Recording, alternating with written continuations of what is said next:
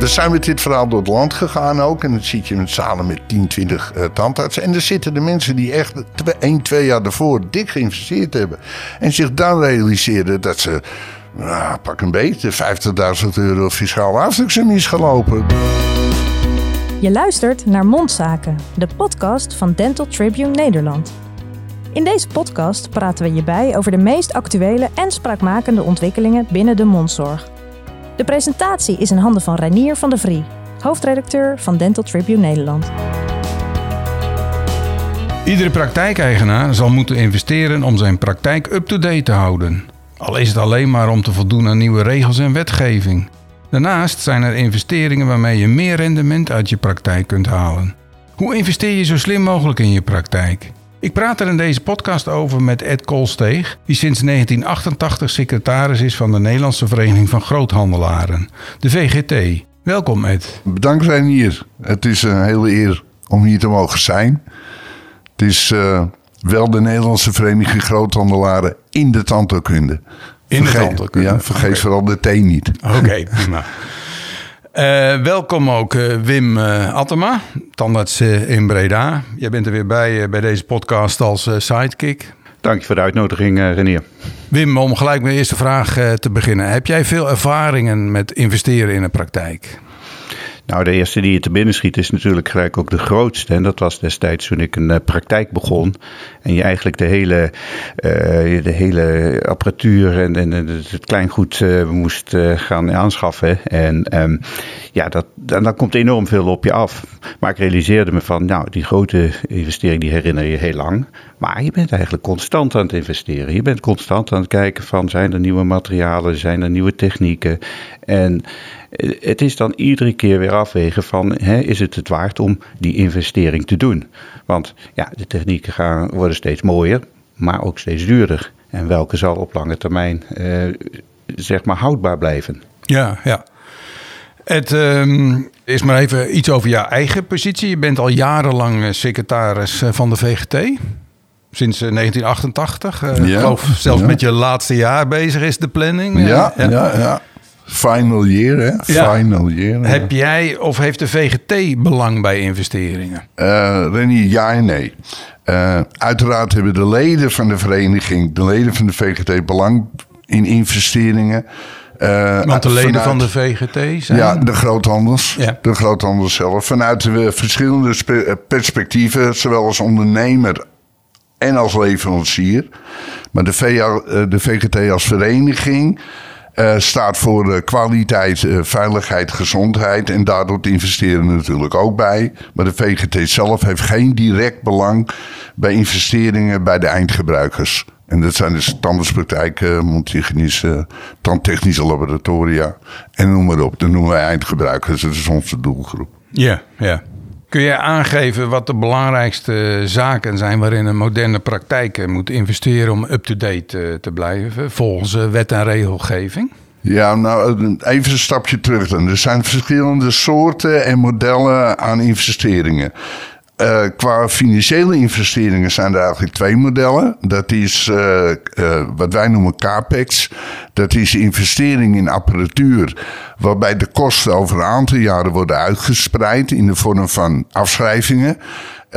En dan heb je OPEX, en dat zijn de kosten die je nodig hebt voor jaarlijkse onderhoud, aanschaf, toeboren en dat soort dingen meer. Maar buiten de financiële investeringen heb je natuurlijk ook investeringen in het kader van een betere werksfeer, personeelsbeleid, scholing, terugdringen ziekteverzuim.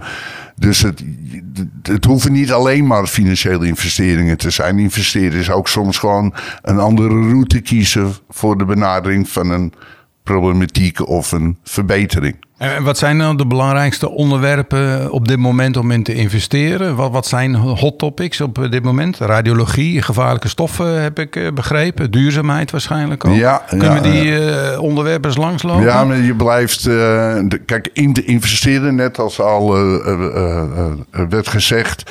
doe je in, in de loop van de tijd specifiek steeds op nieuwe technieken, nieuwe apparatuur, nieuwe wetgeving. Uh, is dus een constante behoefte aan aandacht van waar ga ik me een beetje op focussen. Wat komt er voorbij? Wat vind ik belangrijk? Waar wil ik uh, verbeteringen aanbrengen? Wat kan ik meer efficiënt doen laten zijn? En uh, het is meer een kwestie van die onderwerpen die je noemt van aandacht. Om te kijken, heb ik het allemaal op orde? En waar nodig ga je dan investeren als blijkt dat dat nog niet zo is?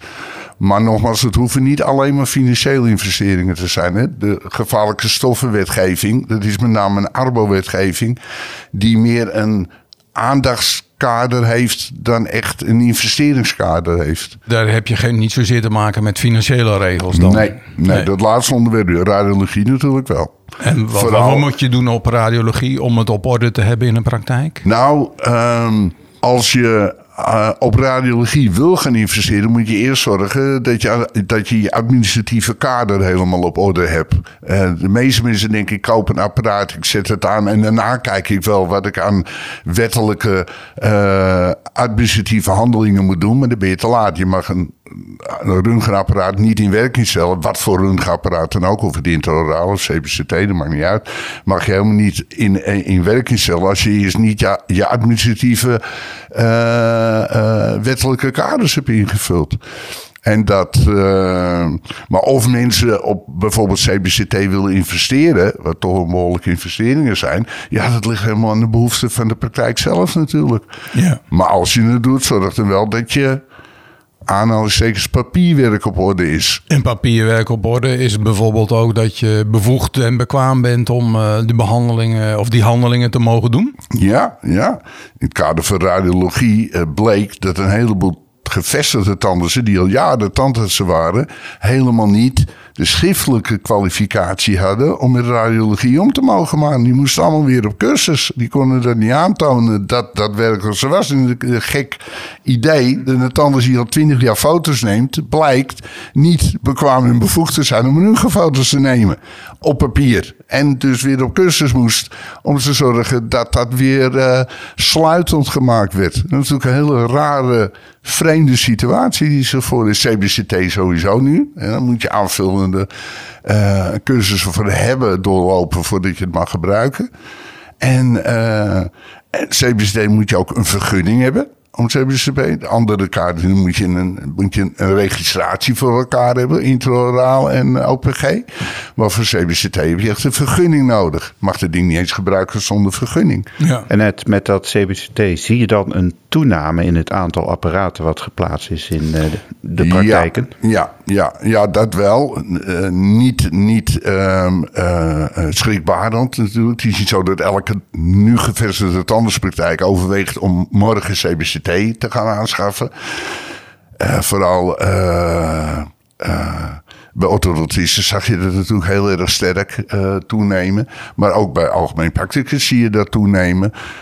maar de, de algemeen practicus dus bepaalt de reden waarom hij vindt dat je CBCT zou moeten hebben voor zijn patiënten.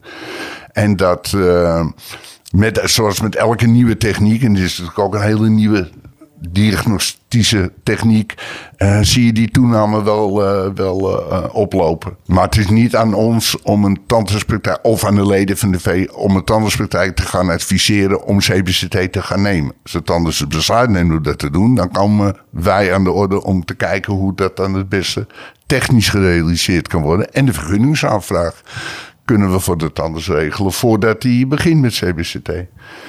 Nog even over de radiologie. Die administratieve uh, zaken, hebben die, zijn die nu wel op orde bij de meeste tandartsen? Zijn ze wel bevoegd om uh, dingen te doen op, op papier? Nee.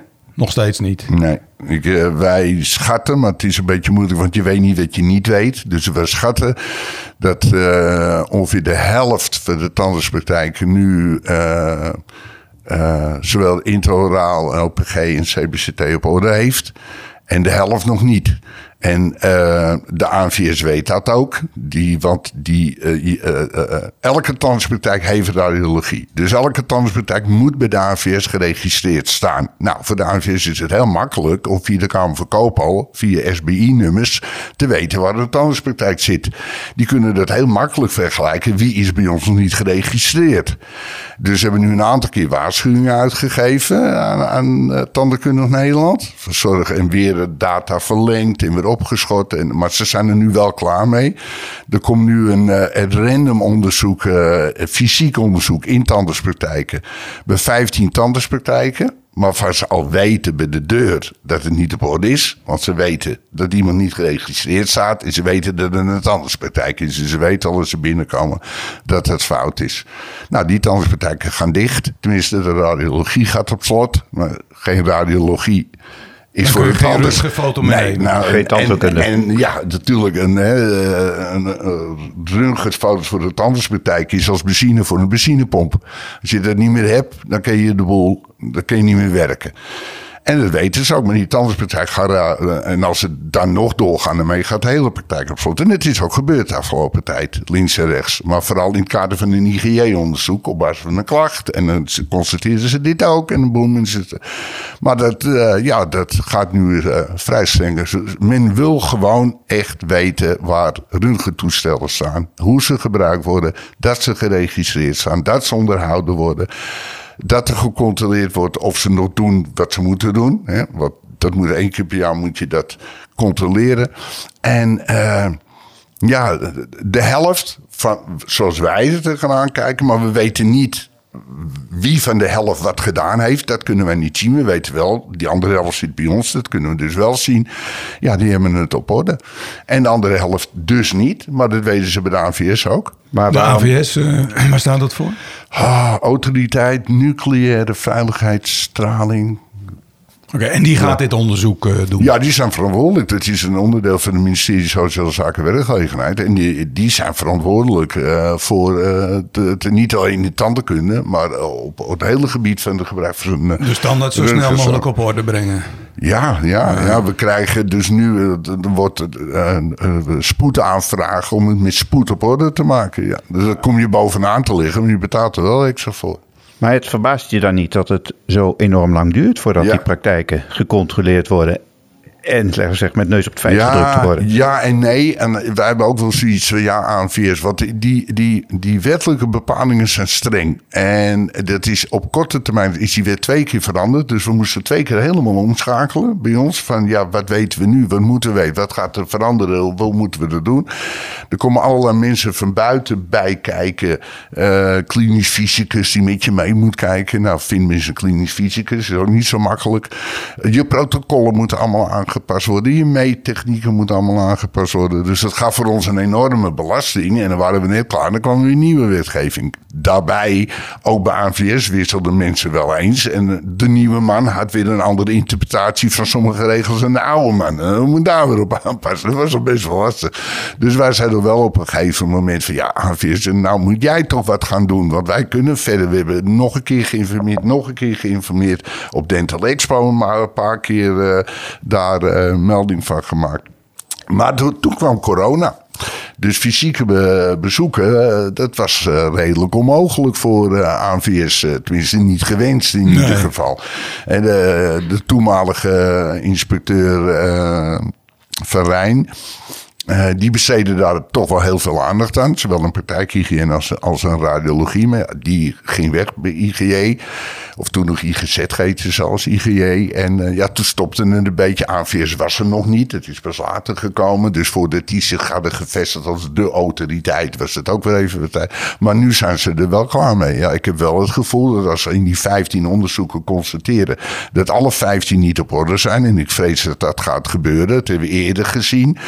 Uh, uh, in het kader van uh, uh, inspectiecontroles. Hè, doen ze een paar keer een proef en een try-out. En dan komt er een rapport uit. Dan je, ja, dit is 100% niet goed. Ja, dan zie je het wel op. Gaat het opgeschaald worden. En wanneer gaat het onderzoek plaatsvinden? Dat, loopt volgens mij loopt al. Ja, ja stevige waarschuwing voor collega's dus die het niet op orde hebben. Die weten dus van het kan per direct nou, die, sluiten van ja, praktijk niet, betekenen. Nou, niet het kan, het gaat.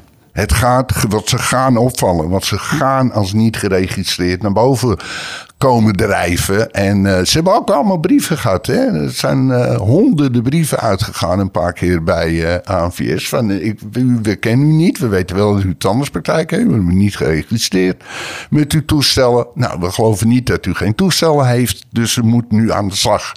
Ja, als je dat dan een paar keer doet en dan toch maar niet reageert, ja, dan moet je ook niet boos worden op de inspectie als ze komen in de boel gaat dicht. Toch? Ja. Lijkt mij. Wim, heb jij, uh, is het in de praktijken waar jij werkt uh, allemaal op orde op dit punt? Ja, we hebben natuurlijk een grote organisatie en we moeten zorgen dat het voor alle praktijken, ik geloof nu 110, dat het in orde is. Dus dat zal wel goed geregeld zijn. Bij dental clinics is dat, hebben we dan over. Ja. Jij gaat ervan uit dat dat goed op orde is. Nou ja, je hebt er zelf natuurlijk ook hand in, want je moet documenten van je eigen praktijk, krijg je ook onder, onder ogen. Met andere woorden, je hebt daar wel een actieve rol in. Ja, lijkt me ook. Lijkt me ook. Het, uh, ja, duurzaamheid, dat is een hot topic natuurlijk ook. Hoe zit het daar met, uh, met de investeren? Moet daar veel in geïnvesteerd worden, wettelijk gezien op dit moment? Of, of is dat meer van, ja, als de praktijk daar echt interesse in heeft? Nou, ja en nee. Kijk, de groothandel, het klinkt oneerbiedig, maar dat is eigenlijk een doorgeefluik. Dus alles wat wij doorgeven, krijgen wij van de fabrikant, we geven door aan de eindgebruiker. Het is natuurlijk ook aan de fabrikant dan om die maatregelen te treffen qua verpakkingsmateriaal of anderzijds. Om dat te doen wat nodig zou moeten zijn om het een beetje beter uh, aan te sturen. Daar heeft de groothandel op zich niet zo verschrikkelijk veel bemoeienis in en mee. Qua apparatuur precies hetzelfde. Je, je hebt natuurlijk apparaten die ontzettend veel stroom verbruiken, ik noem maar wat. Ja, dat kan je als groothandel niet doen verminderen. Dat zal zo zijn om het apparaat goed te laten werken. Ook daar ligt de taak bij de fabrikant. Uh, veelal uh, een groothandel werkt met nou, 200, 300 toeleveranciers. Zowel op klein goed als op uh, apparatengebied, apparatuurgebied. Dus daar, uh, het is wel een van de topics die wij bij ons in, de, in het kader van, uh, van de doelstellingen neer hebben gezet. Maar hoe we dat nou vorm gaan geven, dat zie ik nog niet echt heel goed voor me qua inrichtingpraktijk natuurlijk weer wel. Er zijn ook diverse voorbeelden van hoe je daar enorme besparingen kan uh, verrichten. Maar meestal is de groothandel daar weer niet bij betrokken. Wel het leidingwerk en wel de plaatsing en wel uh, hoe ga je de routing uh, vaststellen, dat soort dingen wel.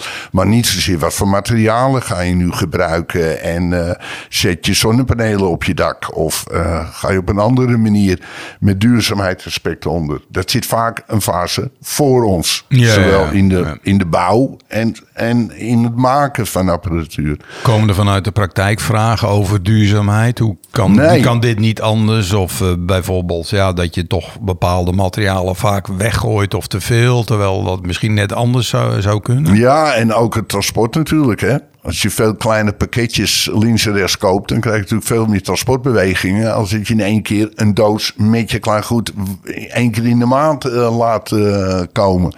Dus daar, uh, daar zit natuurlijk wel winst te behalen. Maar dat zit vind ik daar veel meer in de praktijk. De groothandel wil wel graag één een grote doos eh, over de drempel schuiven... in plaats van eh, twintig kleine doosjes in de loop van de maand.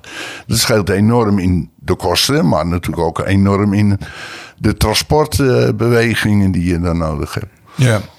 Wim, jij zei eh, in het begin al van uh, investeren. Ja, daar ben je er eigenlijk voortdurend mee bezig als uh, praktijkeigenaar.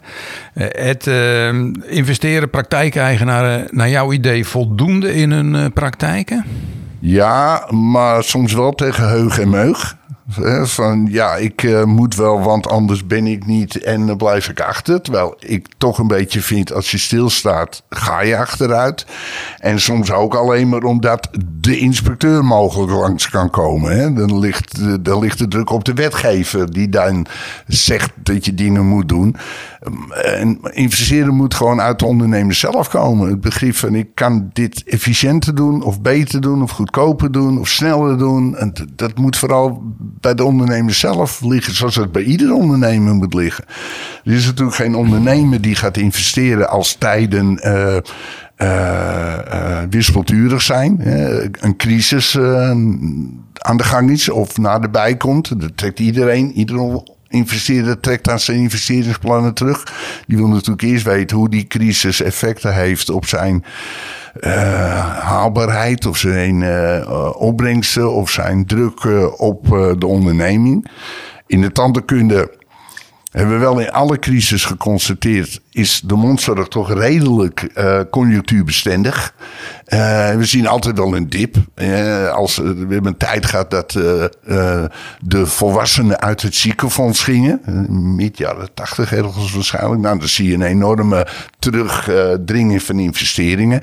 Dat valt dan later enorm mee elke crisis valt dan voor de mondzorg wel mee uiteindelijk. En dan zie je er weer een inhaalslag. En dat, uh, hoe is dat nu dan met de, de coronacrisis? Waar het lijkt dat we nu aan het eind uh, daarvan uh, zitten, na zo ongeveer twee jaar. Ja, nou ja, hetzelfde. Wij meten van alle leden elk kwartaal de omzetcijfers. Over een aantal grote groepen. Kleingoed, equipment, onderhoud, dat soort in euro's gemeten. Toen de coronacrisis uitkwam, eh, hebben we eigenlijk maar naar één ding gekeken. Is klein goed verkoop tandheelkunde. Want daarin kunnen we de traffic in de praktijken volgen. Zolang klein goed overeind blijft, blijft de traffic en andersom. Hè? Zolang de traffic blijft, blijft de klein goed. En als dat dan blijft, en dat bleef nagenoeg hetzelfde, dan zie je op een gegeven moment equipment in het begin stuk terugvallen. Want iedereen doet even de beroemde pas op de plek. En daarna, omdat die traffic zo blijft, komt het vertrouwen weer terug. En dat hebben ondernemers nodig, en anders investeren ze niet. En dan zie je die investeringen dan weer oplopen. Zelfs een inhaalrace. En uh, ja, wij hebben, wij groothandels hebben van corona omzetmatig gezien weinig effecten gehad. Wat je wel zag, is dat op een gegeven moment die praktijk het wat stiller. Op een gegeven moment, of in deeltijd gingen werken, of zaterdags gingen werken, of in twee ploegendiensten, dat soort dingen. Om achterstanden weer in te halen. En daar werd bijvoorbeeld onderhoudscontracten en onderhoudsafspraken op afgestemd. Hè? Die, we hebben het nu iets rustiger bij ons op equipmentafdeling. We kunnen nu meer dan onderhoud, dus laten we nu wat daar, die achterstanden die we nu hebben, daarmee inlopen. dat is ook gebeurd. Ja, ja. Maar grosso modo hebben we daar nauwelijks uh, even een dip en daarna weer uh, zoals uh, het daarvoor was. Ja. Weinig van gemerkt. En net verwacht je nou dat um, met het doorgaan van de Dental Expo, ik geloof dat het nu in oktober, oktober is, verwacht je dan weer een, een, boost bij jullie in de omzet? Of, nou ja, kijk, Dental Expo is niet zozeer een beurs die uh, in Nederland niet, dat hebben we ook al die jaren terughoudend in gehad, die zich richt over omzetvergroting. Het is meer relatieverbetering uh, of nieuwe relaties uh, ontdekken, ontmoeten, doorgaan, wat nieuwe technieken demonstreren natuurlijk. kijk, iedereen die investeren wil, die zoekt toch ook zijn weg van de showrooms en op een rustig moment en op de vrijdag is rustig gaan om te kijken wat je hebben wil. Dus dat, uh, zijn, er zijn wel momenten dat het voorbereidende werk al gedaan is. En dan op de Dental Expo de deal wordt gesloten. Dat is altijd wel wat een, ja, een heugelijk moment om dit zo te noemen. Maar echt uh, omzetvergrotend uh, werkt de Dental Expo niet. Maar wel naamsvergrotend. En je relaties nog eens een keer op een andere manier ontmoeten. Ik hoop dat het nu wel doorgaat. In, het is twee keer uitgesteld. En het geeft enorm veel problemen in afspraken met EasyFairs natuurlijk. De organisator die het maar door wil laten gaan in de handel. Wil het eigenlijk niet. Want het momentum is niet goed. Dus ik hoop niet dat de nieuwe variant oktober weer een keer doet uitstellen. Uh, maar anders gaat het gewoon door uh, in oktober. Ja. En uh, zijn we eigenlijk wel blij omdat het nu eigenlijk kan plaatsvinden. Ja. Investeren moet eigenlijk vooral leuk zijn. Ja, maar het moet ook rendabel zijn. En ik wil eigenlijk een beetje terug naar de, naar de topic van vandaag. Van wat, wat is een slim investeren? Een slim investeren is goed rekening houden met een, uh, een fiscale maatregel die al heel lang geldt. En dat heet de kleinschaligheidsinvesteringsaftrek. Noemen we de KIA. En daar moet je als investeerder naar kijken. Want uh, als je het goed doet en slim doet en ook je daar goed op inleest, dan kan je dat vele tienduizenden euro's kosten of besparen. Al gelang Of je het wel of niet goed doet.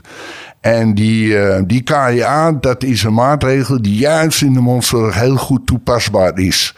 Omdat je, ehm, eh, als je het slim doet, dan kan je investeren zonder te kopen. Betalen doe je sowieso. Of je het nou in één keer doet of in termijnen doet, dat maakt niet zoveel uit. Maar je moet je investering weten uit te smeren over een aantal jaren. En dat kan door verschillende soorten leasecontracten aan te gaan. En als je het slim doet, en wat je vaak als je grote investeringen doet, zit er ook een verbouwing aan. En, of ook andere handelingen die je dan wil investeren. Airconditioning of nieuwe eh, ICT-apparatuur of wat dan ook. En uh, koop dan gerust je apparatuur die je nodig hebt. Je nieuwe stoelen, je nieuwe, nieuwe, en wat je ook nodig hebt. Maar koop het niet in de vorm van aanschaffen. Ga het huren en schaf het later aan. En als je dat doorsluist, en daar kan ik je de mooiste verhalen van vertellen, dan is het het verschil tussen 0% KIA of 28% KIA. Maar je moet er wel weten wat je dan vooraf moet doen. Wat achteraf corrigeren kan niet meer. Je kan er niet meer terugdraaien. En dat gaat om duizenden euro's die je daar. Tienduizenden. Tienduizenden. En kun je een voorbeeld hiervan noemen van uh, een praktijk? Ja, maar dan moet ik wat, wat getallen noemen. Dat maakt het wel wat ingewikkeld. Maar ik zal proberen. Probeer ik zal proberen uit te leggen. Oké, goed. Stel dat je gaat, uh, je investeert, uh, pak een beetje, 2 ton apparatuur en 100.000 euro verbouwing. Stel. Ja? Even van een praktijk van ongeveer hoeveel stoelen? Nou, pak een beet. Uh, vijf, zes stoelen. Ja. Zit je gauw in dat soort, dat soort bedrag. Met alle toebehoren erbij. Hè? Niet alleen stoelen, maar ook units, apparatuur, sterilisatie. Alles erbij. Erop en eraan. Zit je in dat soort uh, getallen te denken. Oké. Okay. 100.000 euro verbouwing. Uh, aanleggen, parkeerplaatsen, tuin om je praktijk. Dat allemaal, allemaal, valt allemaal onder de KIA. Niet het gebouw zelf. Dan de KA heeft een maximum uh, aftrek als je investeert tussen de 8, 2400 euro en rondgerekend 55.000 euro. Loopt dan maximaal, de, de maximaal aftrek loopt dan door tot 100.000 euro aftrek. Alleen het percentage gaat naar 55 dalen. Het is ook al logisch. Als je 16.000 euro investeringsaftrek krijgt op 55.000 euro, zit je op 28 procent. Maar als je 16.000 euro op een ton krijgt, zit je nog op 16 procent. Dus het bedrag aan investeringsaftrek blijft hetzelfde. Het percentage loopt dan wat terug. Daarna gaat hij dalen. Zowel in euro's als in procenten. Bij 300, pak een mee, 330.000 euro zit je op nul. Dus als je 330.000 euro investeert aan verbouwing en een apparatuur samen, dan krijg je nul. Maar doe je nou 100.000 euro aan verbouwing, want die moet je betalen en aannemen en alles en iedereen. En de apparatuur koop je wel en plaats je wel, maar je gaat daar operation- en leasecontracten voor afsluiten, dan investeer je daarin niet. Je huurt wel en je gebruikt het ook, maar je koopt het niet op de balans. Het komt niet als, als bezit op de balans en er komt geen schuld tegenover, want je huurt het gewoon. Het jaar daarna ga je het kopen. Nou, die koop is weer investeren en dan krijg je weer investeringsaftrek. En de tweede deel, en je kan het in delen opknippen, doe je een jaar daarna weer. Krijg je weer je maximale investeringsaftrek. Dus in plaats van nul in mijn voorbeeld 100.000 verbouwen en 2 ton kopen, krijg je nu dit eerste jaar 16 voor de verbouwing, tweede jaar 16 voor de gedeelte van de apparatuur en het derde jaar 16.000 euro voor het tweede gedeelte van de apparatuur. Dus je krijgt nu opeens 48.000 euro investeringsaftrek in drie jaar, waar je anders nul voor had gekregen. Dat is een beetje, dus je moet, je kan best aanschaffen apparatuur, maar als je al andere investeringen hebt, moet je niet kopen. Moet je eerst huren en het jaar daarna, dat kan twee dagen later zijn. Hè? Je kan 29 december een operation lease contract afsluiten. En je laat je 2 januari omzetten naar een financial lease contract. Want dan koop je. Financial lease is ik koop de goederen en ik leen het geld. grof gezegd. Ja, ja. Operation lease, ik huur de goederen en ik betaal een huur premie voor. Wat hetzelfde is als aflossing en rente samen. Alleen dat zie je als één huurbedrag weer terug. En zolang je, en dan krijg je de grote, wat ik heb in het begin uh, grote accountantskantoren de telefoon gehad. Ja, mag dit wel? Ja, er zijn eigenlijk maar drie vragen. Uw cliënt, de tandarts, mag toch huren als hij dat wil? Ja, dat mag. Maar hij mag het gehuurde toch ook kopen als hij dat wil? Ja, dat mag ook. Nou, dan zijn we er. Dat is een verschil. Oh, waarom weten wij dat niet? Ja, dat weet ik niet. Maar dit mag. Dit is, dit is ook geen constructie. Want accountants krijgen rode vlekken in de nek. als je het woord constructie gaat gebruiken. Het is ook. We doen, we, VKD doet het nu niet meer omdat we, wij niet meer leasen. Het gaat allemaal via de leden zelf nu. Maar we hebben dit twintig jaar gedaan op deze manier. Dat is strategisch investeren. Dus we zijn op voordrachten door dat land over dit onderwerp tandartspraktijken of tandartsen tegenkomen. Ze jeetje mina, ik heb twee jaar geleden 3,5 ton geïnvesteerd. Wat helemaal niet, het is natuurlijk wel een groot bedrag. Maar ook weer niet zo'n uitzonderlijk bedrag. En ik heb gecenten, niemand heeft me dit ooit verteld. Nee, ja, je moet je er even in verdiepen. We hebben het trouwens op de VGT-website staan. www.vgt.nl, tabblad, financiële financiën en dan investeren. Dit staat dit hele verhaal met voorbeelden, grafieken, getallen. Staat dit ook helemaal zo'n beetje beschreven. En wie kan er nog meer over vertellen dan? Uh, als je leden VGT. Leden, leden VGT die equipment verkopen kunnen dit ook. Ja, kunnen dit ook. Ja. Nu. Maar ik begrijp dus, je maakt het contract. Hè? Je zegt van uh, operational lease. En wanneer het financial lease wordt, het bedrag daarvan, dat staat ook al in het contract. Of mag dat weer niet? Je koopt je goederen. Je gaat een koopovereenkomst aan met, je, met, de, met de leverancier. Hoe je dat betaalt, vindt de leverancier op zich niet interessant. Kan het je eigen middelen zijn, kan geleend zijn van de bank, kan een leasecontract zijn. Biedt ook lease aan, hebben ook contacten met leasemaatschappijen. Omdat goed kennen deze strategische lease situatie. Ik heb een Excel-bestand ooit gemaakt waarin ik dus uh, kan demonstreren. Wat gebeurt er als je weet wat je gaat investeren. En je gaat het verdelen of je gaat het niet verdelen. Wat voor verschil levert dat dan op? Ja, dus een, een simulatie van ik doe niks of ik doe wel wat. En wat moet ik dan doen? Spelen met getallen een beetje. op één jaar, twee jaar uitstellen.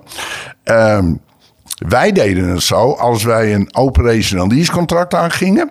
dan lieten we al zien wat de contante waarde was na 12 maanden. We gingen vanuit van een periode, dat moet ergens vanuit gaan, periode 12 maanden. Want dan bereikt wat iemand die in januari een operationeel aangaat, moet wachten tot januari. Want het boekjaar moet afgesloten worden eerst. Dan kan hij switchen, eerder niet. Maar hij heeft wel het recht om te switchen, maar niet de plicht om te switchen. Als hij een plicht om te switchen krijgt, zegt de Belastingdienst, dan is het een financial lease contract. Dan is het geen operational lease. Je moet een recht hebben om te switchen.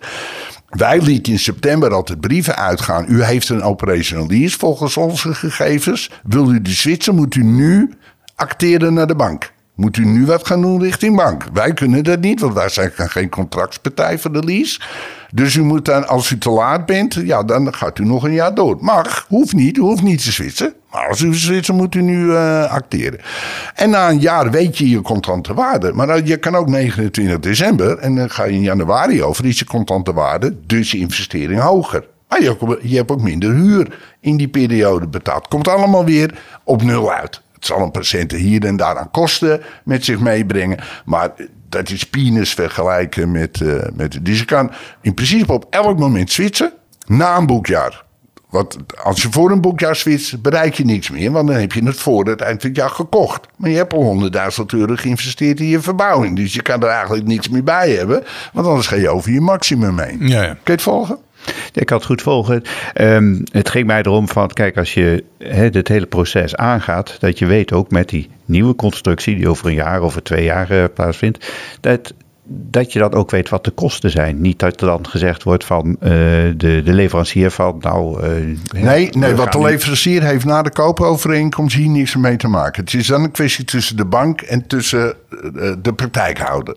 Je sluit een lease situatie af met een bepaalde rente. En die rente blijft vijf jaar vaststaan. Of je nou in de operational gaat, of in de, of in de uh, uh, financial gaat. In de operational zit die rente in je huurprijs ingebakken natuurlijk. Staat niet apart vermeld. Maar wij lieten van tevoren zien, operational kost zoveel per maand. Lease kost zoveel per maand. En dat bestaat uit aflossingen, financial lease aflossingen plus rente. En dat heet bij operational lease als één bedrag huur. Die bedragen waren hetzelfde. En die rente blijft vijf jaar dan uh, hetzelfde staan. Het is gewoon een vijf jaar contract waarin je binnen die vijf jaar je constructie om kan zetten. Dus de vorm van de financiering om kan zetten. Er zit wel één klein uh, uh, doorwerking in. In een operational lease contract moet je rekening houden met 7,5% restwaarde. Ja? En dus je betaalt in je huur iets minder, omdat de leasemaatschappij ervan uitgaat dat op het eind van het contract blijft 7,5% waarde in die portefeuille zitten. Financial loopt op nul uit. Dus je moet het eerste jaar wat je aan operational minder hebt betaald, moet je in die vier jaar iets bijbetalen. Maar over vijf jaar gezien is het exact hetzelfde verhaal of je operational lease doet of financial lease doet. Als je alle kosten bij elkaar optelt. Maar als je het niet doet, ga je die KA missen. En dat zijn grote getallen. Dat zijn echt grote getallen. En dat is nog te weinig bekend eigenlijk. Ja, ja. ja, ja. ik vrees dat het nog uh, inderdaad bij de mensen die grote gelden investeren. Ik heb het zelfs één keer, misschien aardig meegemaakt. Nee, ik belde de, de praktijkhouder op. Ik heb hier een goedkeuring van een lease voor x bedrag. En uh, hoe wilt u dat ik dat ga verdelen? Al weet u het niet, ik bel uw accountant wel om dat te doen. Hoe gaan we dat verdelen? Uitleggen, toestanden. Ik heb een keer de financieel directeur van de grote praktijk in de telefoon gezegd. Ja, maar ik geef al zoveel, ik investeer al zoveel dit jaar. Die KNR telt van mij niet. Nou, dan kom ik juist langs. Want dan ga ik het juist. Nee, u hoeft niet langs te komen, want het geteld van mij niet. Ik ben toch langs weten te komen. Kwartier lang dit verhaal verteld. Met het Excelbestand uitgelegd hoe dat werkte. Zit hij meneer Kool ik heb hier een kwartier 45.000 euro verdiend. Ja, maar daarvoor wou ik juist langskomen. Want dan juist stelt het begroting. Hoe groter de investering, hoe groter de KA natuurlijk is. Ja. Maar als hij te groot is, gaat hij weer naar nul toe. Hoe uh, is het investeringsklimaat uh, voor uh, de mondzorg in, in Nederland? de overheid, werkt die daar nou bevorderend in of juist belemmerend? Nee, nee, het is er zijn een aantal uh, subsidiemaatregelen geweest. die ook de mondzorg uh, bedrijfsmiddelen wel betroffen. De Famunia hebben we gehad. Het is allemaal gamma-scheiders geweest. Digitale mond- en afdrukscanning. Filtrerende stofafscheiding. Voor tandtechnische laboratoria was dat een belangrijk iets. en ook een paar jaar lang subsidie op CAD-CAM systemen is er geweest. En ooit zelfs op klasse B-autoclave investeringen. Uh, maar die moeten maar net in die milieulijst, zoals dat heet, die wordt elk jaar gepubliceerd, voorkomen. En dat is al een paar jaar niet meer gebeurd. Vroeger hadden we ook nog de Farbo-regeling. Toen kreeg je zelf subsidies op de aanschaf van patiëntenbehandelstoelen. Weet ook veel ze toen de tijd wisten dat niet.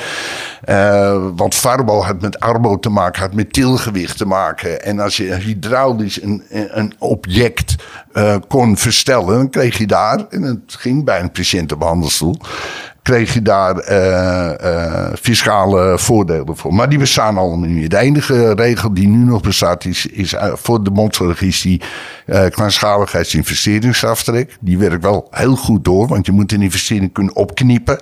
Nou, als ik binnenvaartschepen verkoop, kan ik zo'n schip niet opknippen. Kan ik dus ook de KA niet van toepassing maken. Maar voor de tandenkunde geldt die wel. Maar de overheid is niet voor de mondzorg bijzonder gunstig, zeg maar. Maar ook niet. Het is gewoon uh, een regeling die voor elke uh, ondernemer telt. Dus ook van de tandartspraktijk. Dus er niet, niet veel verschil of je in mondzorg moet nee. investeren of in andere sectoren? Nee, nee, nee, nee. nee, nee. nee.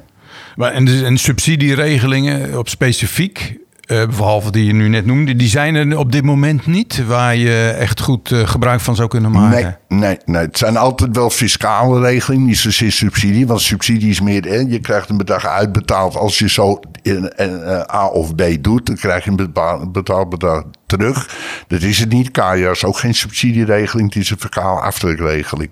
Dus je hoeft wel minder belasting te betalen, omdat je een, eh, een fiscale extra aftrekpost hebt gecreëerd voor jezelf. Zijn er andere fiscale regelingen waar je rekening mee moet uh, of kunt uh, houden als je gaat investeren? Of is dit eigenlijk wat je noemt de belangrijkste? Ja, dit is, de, dit is op dit moment ook de enige die ik ken.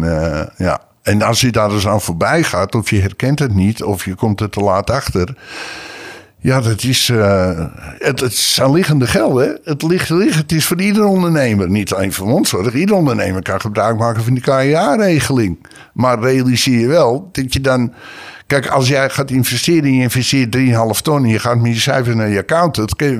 Je accountant kan daar niks meer mee. En kan je ook niet zeggen ja, dat je anders moet doen, want het, is te laat. Dus, en die gaat gewoon door met je jaarstukken. Constateert dat je geen recht op Ja, Dus vult daar ook niks in. Want er staat gewoon op je VPB-aangifte. Als vakje kun je dat invullen. Vult daar ook niks in. En, eh, en je mist het gewoon. En niemand, niemand heeft er eigenlijk weet van. Het is zo dat dat dan gebeurt, dat het anders had gemoeten. En die regeling die blijft voorlopig ook nog wel bestaan zoals het er nu naar uitziet? Ja, ja, ja, hij is ooit begonnen bij 50 en een ton hè, als drempelwaardes. En uh, dat is hem allemaal opgeschoven. In elk jaar gaat hij iets omhoog. De, de percentage 28% blijft hetzelfde. Maar de drempelwaardes worden allemaal wat verschoven. En hij is nu 55 en 110 of zoiets eigenlijk in die orde vergroten. Hoe zie je de toekomst van uh, voor de mondzorgorganisaties en praktijken uh, als het uh, om investeren gaat en om rendement halen?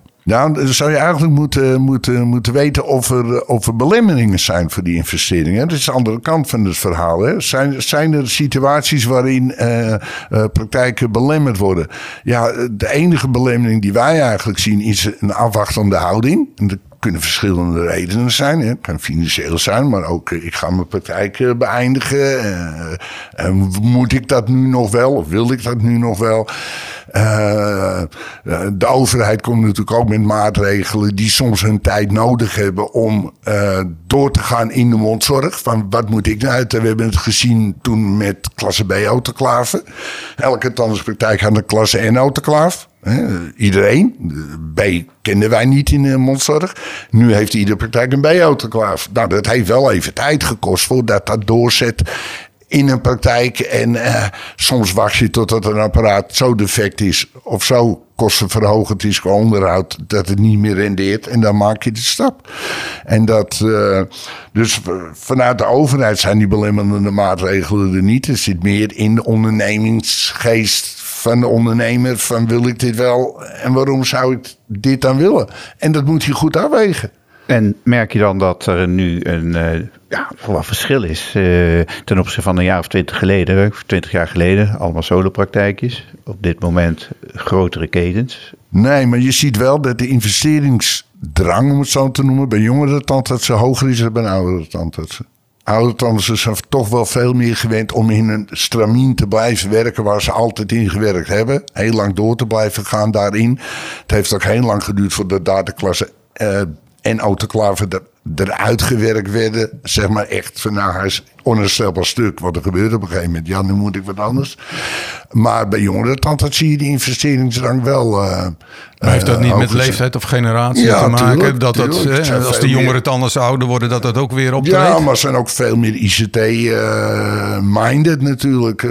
Nou ja, voor sommige röntgenapparaten moet je ook een hele ICT-omgeving hebben... om daar goed mee om te kunnen gaan natuurlijk. En daar heeft... Uh, ik denk dat digitaal röntgen in de meeste tandartspraktijken nu wel ingevoerd is. Maar nog lang niet bij allemaal natuurlijk. Er zijn nog steeds heel veel, toch? Je ziet het ook nog aan de ontwikkeltechnieken die bijna allemaal digitaal zouden moeten zijn nu met eh, fosforplaatjes en dat, dat soort technieken meer. Maar het heeft ook wel de koppeling nodig van ik heb beeldschermen nodig en ik heb daarvoor nou een aantal handelingen nodig die waarvan mijn dochter meer verstand van heeft dan ik dat heb uh, in de situatie. Bij wie kun je het het beste terecht uh, als je advies wilt hierover? Hè? Als je zegt ik wil ja, slim investeren, rendement, zoveel mogelijk rendement uit mijn praktijk halen. bij wie kun je dan het beste advies vragen? Als je de bedragen weet, de bedragen die je wil investeren in niet al te kundige apparatuur, dus verbouwing of anderzijds. En de bedragen weet die je wil investeren in je tandkundige apparatuur en toebehoren. En die Zippel vet of zelfs een koopovereenkomst getekend. En je weet dan van de exacte bedragen. Bel me naar de VGT. VGT.nl. Kijk eerst even bij ons op de website, want daar wordt een uitleg gegeven over de KIA-regeling. Met bedragen, met voorbeelden, met uh, hoe je dat slim kan doen. En dan, uh, maar ook het, uh, de dentalonderneming zelf. Die kan je daarmee op weg helpen.